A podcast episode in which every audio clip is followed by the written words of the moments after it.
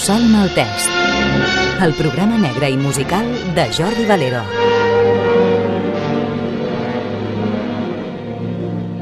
Benvingudes i benvinguts al fascicle número 7 del Mussol Maltès, o potser hauria de dir el fascicle número 007.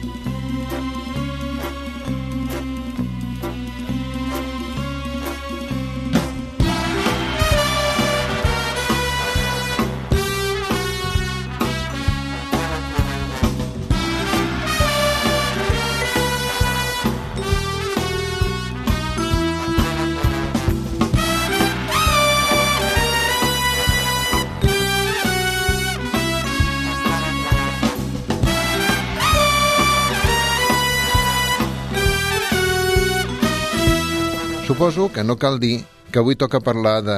Bond. James Bond. El més famós agent secret britànic de la història, amb llicència per matar, al servei de sa graciosa majestat. I famós també per haver inventat un còctel, el que bateja amb el nom de Vesper, encara que el cine l'hagi convertit en un dry martini. I quina composició us dic tot seguit, per si voleu preparar-ne un mentre escolteu aquest fascicle. És el capítol 7 de la novel·la Casino Royale, quan Bond li demana al barman del bar del casino que prepari tres parts de Gordons, una de vodka, mitja de quina lillet, ben sacsejat fins que estigui ben fred, i al servir-lo en la copa, afegir una llarga i prima filigrana de pell de llimona. Ah, i si el vodka és fet amb sègol en lloc de patata, és molt millor. Fixeu-vos que he dit sacsejat i no pas barrejat, que és com el demana ell, però en les pel·lícules, vés a saber per quin motiu, ho van doblar al revés. I aquí ens ha arribat en versió castellana com mezclado, no agitado. I la frase s'ha assentat en l'imaginari col·lectiu i ja no hi ha qui la mogui. De fet, la controvèrsia va arribar al punt de que una marca de Ginebra demanés al barman científic Stuart Bale que investigués com aconseguir el dry martini perfecte i va concloure que agitant-lo refreda més, però també dilueix la beguda en un 10% d'aigua que impideix apreciar els sabors, principalment el del vermut, en tota la seva intensitat. Però no deixa de ser una opinió més. Així que busqueu la fórmula que millor s'us adapti per tal de gaudir al màxim, que al cap i a la fi és l'únic que importa. Tothom sap qui és Bond, James Bond. Gairebé tothom ha vist com a mínim una pel·lícula seva. Però molt poca de tota aquesta gent ha llegit les novel·les, ni que sigui una i és probable que ni sàpiguen que existeixen, ja que, a diferència d'altres, aquestes no es solen reeditar. És un dels pocs casos en què les pel·lícules han suplantat les novel·les i les han anul·lat. Ian Fleming, el pare literari de James Bond, neix a Londres, fill d'una família rica, al barri de Mayfair, a l'exclusiu rovell de l'ou de la capital. Un 28 de maig de 1908, per tant, de signe Gèminis, el signe dels espies, i mora el 12 d'agost de 1964 a Canterbury, amb només 56 anys, sense poder superar una crisi cardíaca. Havia estudiat a l'Eton College, un dels internats privats més tradicional, preferit de la monarquia i, per tant, de les elites britàniques, i arreu conegut especialment per les delicades veus del cor de la capella. I, per tant, res feia pensar que anys més tard, i preguntat per la seva cançó preferida, Lion Fleming tries The Dark Town Stratter's Ball, de Joe Fingerscar, un exemple de jazz rústic i sincopat, exponent del gènere musical conegut com honky-tonk, derivat del ragtime, i que enfatitza més el ritme que no pas la melodia.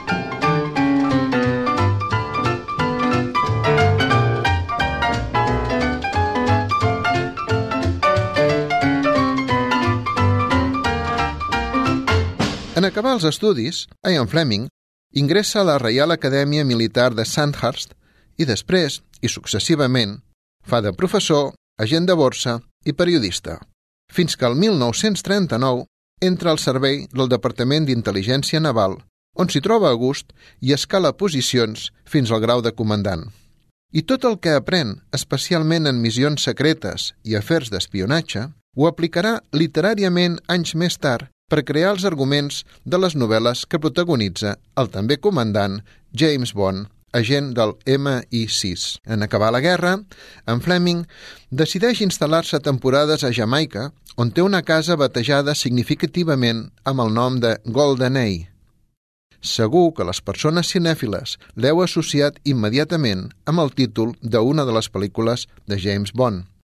Concretament, la que fa el número 17 de la sèrie i la primera en què Pierce Brosnan protagonitza l'agent britànic. Però el que potser no sabeu és que GoldenEye és el nom d'una operació d'espionatge real durant la Segona Guerra Mundial que tenia com a objectiu garantir la comunicació de les illes britàniques amb Gibraltar en cas que Espanya i Alemanya decidissin envair el Penyal. L'operació va ser cancel·lada el 1943 al constatar-se que el perill havia desaparegut. L'operació secreta va estar elaborada i dirigida per Ian Fleming, aleshores tinent comandant, i es va considerar un pla brillant i per això, per ser el gran èxit en la seva carrera militar, Fleming es decidia a batejar la seva mansió jamaicana i titular una de les seves novel·les amb el seu nom, GoldenEye. I és en aquesta residència on, el 17 de febrer de 1952, comença a escriure Casino Royale i el 13 d'abril de 1953, poc més d'un any després, es publica a Londres. La novel·la Casino Royale és un thriller d'espionatge amb molta acció, protagonitzada per un comandant de l'Armada Britànica, un oficial dels serveis secrets d'intel·ligència que du per nom James Bond.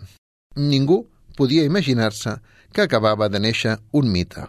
Com també va néixer un mite quan el compositor de jazz Hoagy Carmichael va gravar la seva primera peça, Riverboat Shuffle, el 1984, avui tot un estàndard de l'estil Dixieland.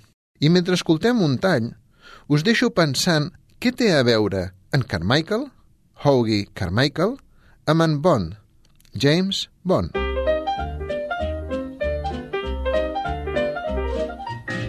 Good people, you're invited tonight to the riverboat shovel. Good people, we've got rhythm tonight at the riverboat shovel. They tell me that slide pipe tooter is grand. Best in Louisiana, so bring your freighter, come an alligator, that band. Mr. Hawkins on the tenor. Good people, you'll hear Milenberg joys in a special orchestration. Even Mama Dinah will be there to strut for the boys in a room full of noise. She'll teach you to shuffle it right, so bring your baby. I'll be seeing you at the riverboat shuffle tonight.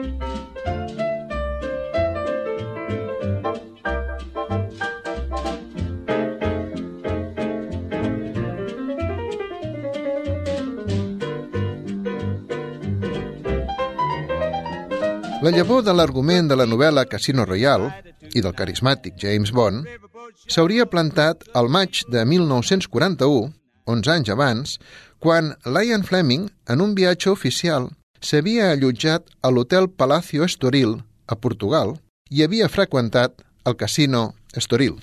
Allà hauria coincidit amb l'espia serbi Dusko Popov, el que va veure fer una aposta desorbitada en una taula de bacarà per desconcertar el seu contrincant. Aquesta situació la va trasplantar a la novel·la Casino Royale, a la partida de Bond contra la Xifre. Després de la primera novel·la, Casino Royale, i a ritme d'una per any, en Fleming n'acaba publicant una dotzena de la sèrie Bond, a més de set relats curts.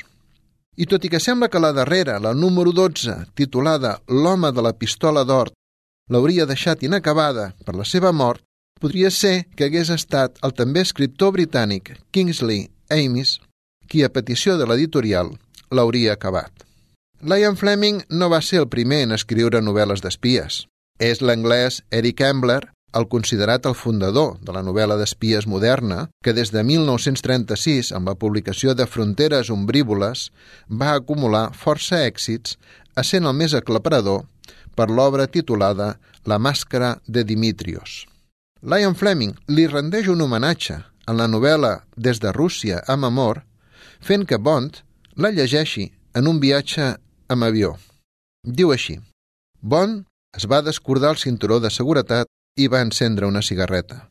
Va agafar el prim maletí d'aspecte car que havia deixat a terra al seu costat i va treure de dins la màscara de Dimitrios, d'Eric Ambler.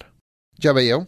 I va ser precisament des de Rússia amb amor la que va disparar les ventes de l'obra d'en Fleming als Estats Units, arrel de que el president John Fitzgerald Kennedy l'anomenés en la seva llista de llibres preferits.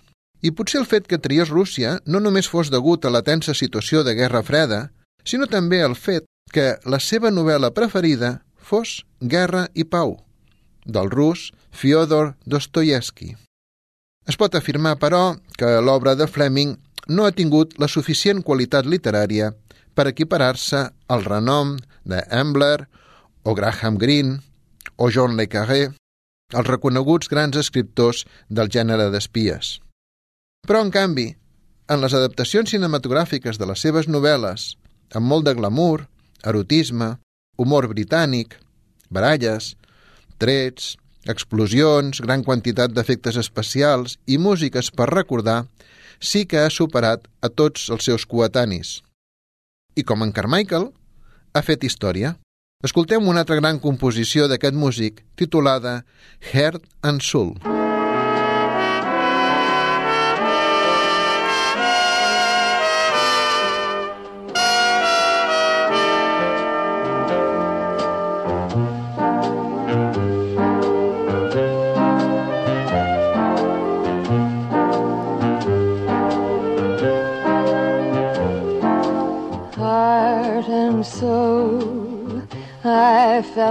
love with you, heart and soul, the way a fool would do, madly, because you held me tight and stole a kiss in a night, heart and soul.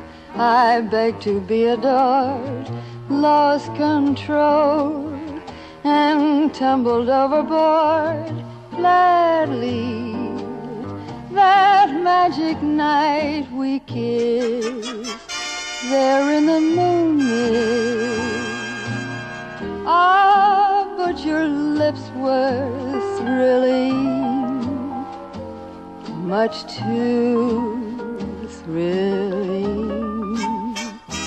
Never before were mine so strangely willing, but now I see what one embrace can do. Look at me, it's got me loving you madly. That little kiss you stole held all my heart and soul.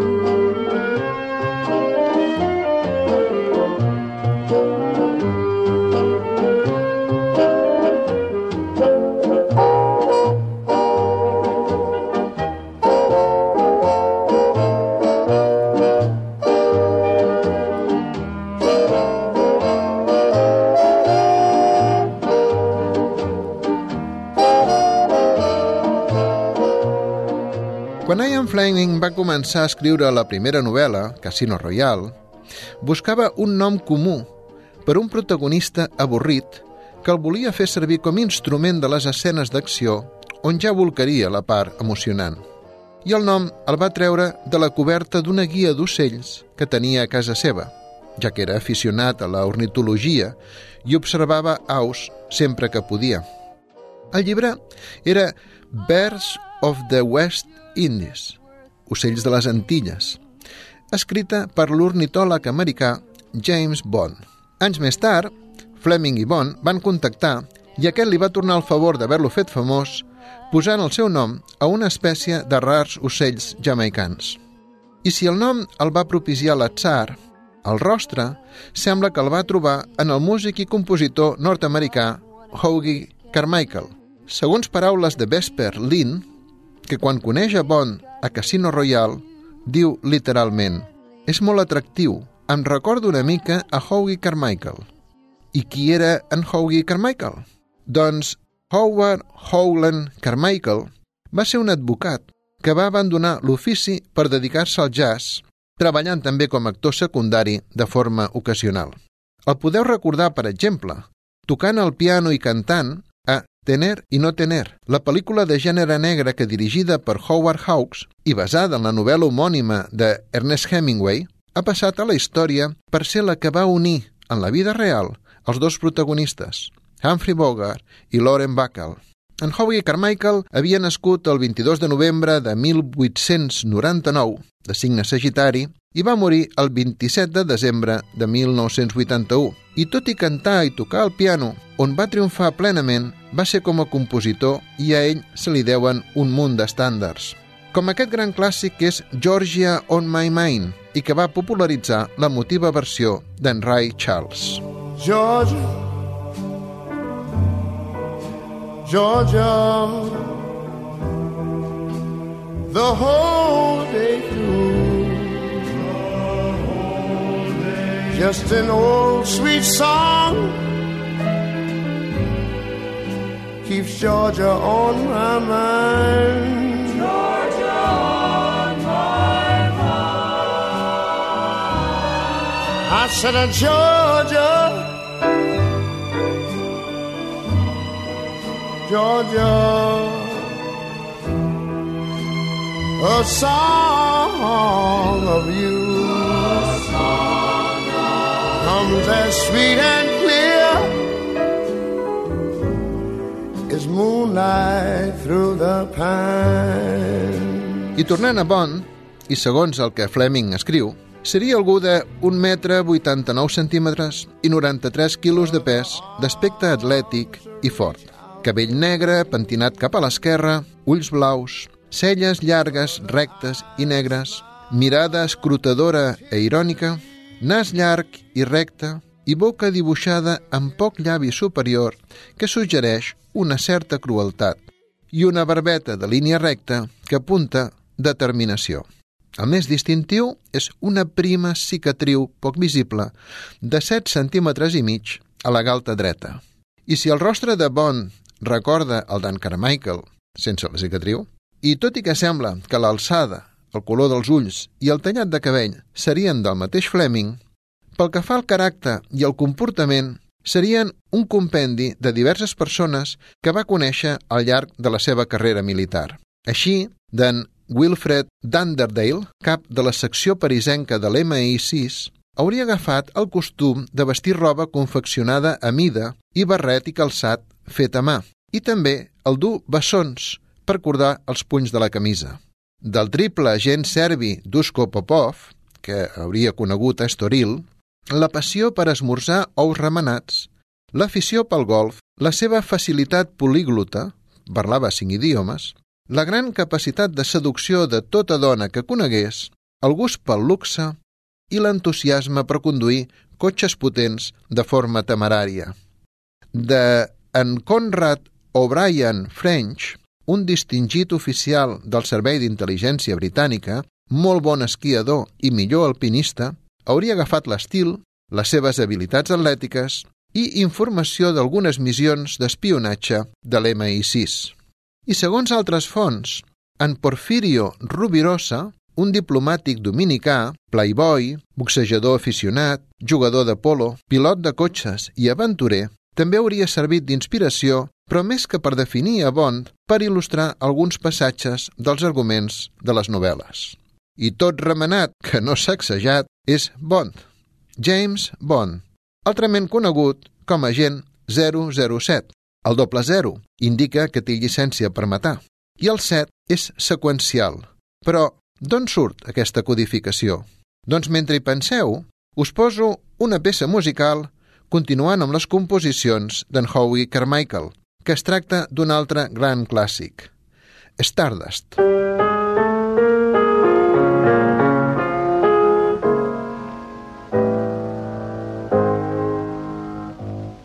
Sometimes I wonder why I spend the lonely night dreaming of a song, the melody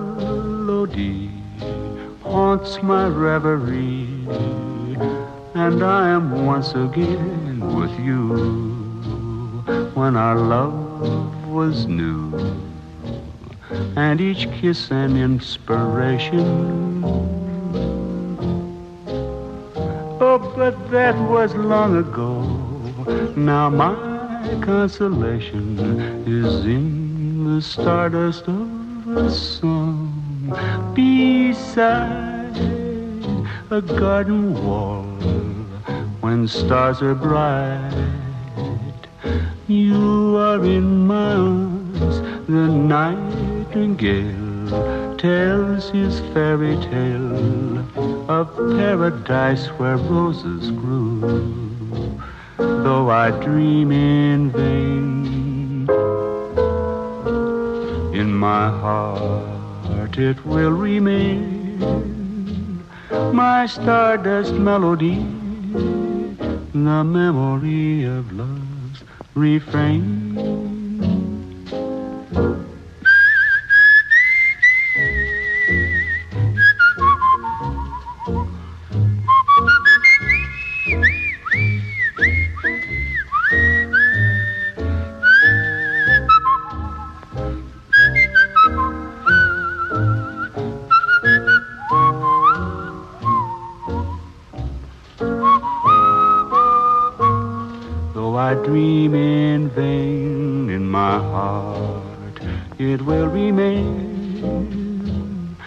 Stardust melody, the memory of love's refrain.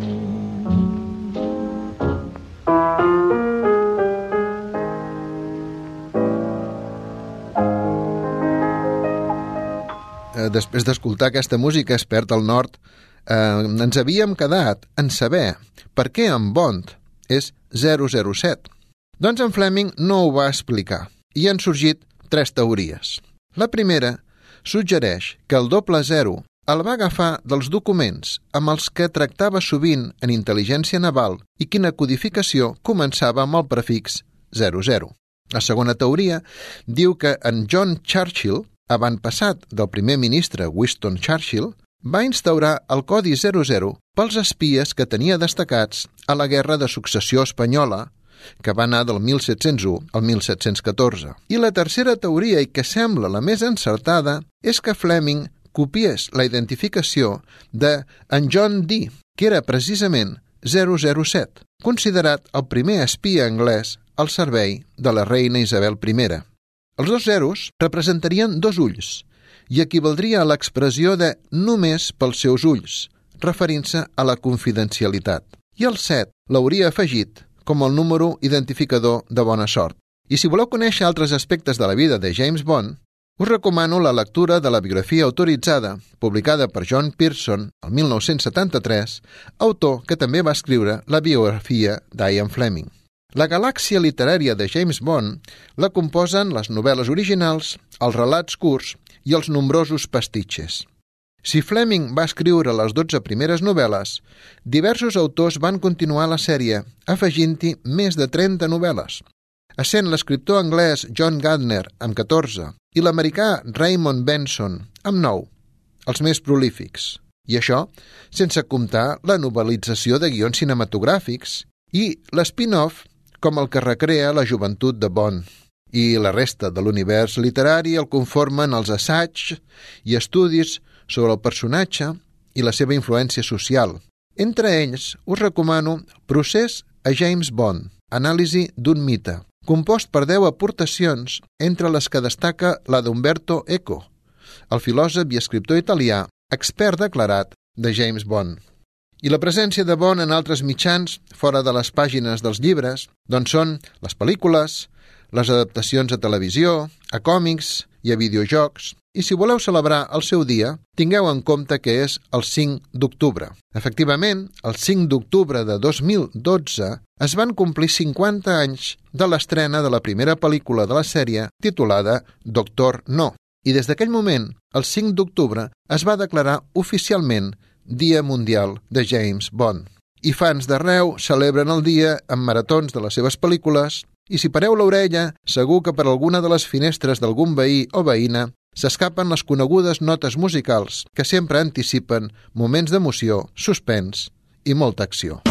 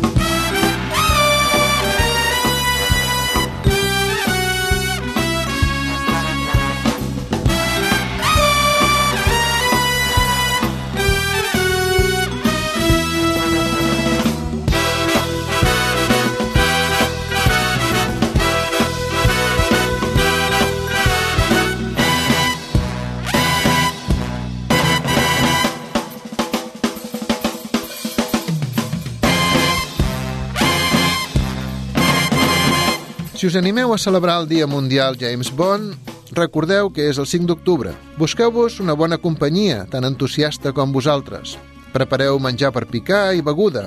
I millor prepareu-vos un vesper, ja que ara ja sabeu la recepta original. I poseu la pel·lícula, o més d'una, la que hagueu triat per l'ocasió. Poseu llums d'ambient i a gaudir de la festa. I per avui això és tot, però no s'ha acabat. Us deixo amb l'advertiment de que Bond tornarà. Us espero aquí per conèixer més i millor a l'espia britànic. Gràcies per escoltar-me i gràcies també a Beatriz Aguilar per seguir governant amb professionalitat les vies de so. Soc Jordi Valero i això és El Mussol Maltès.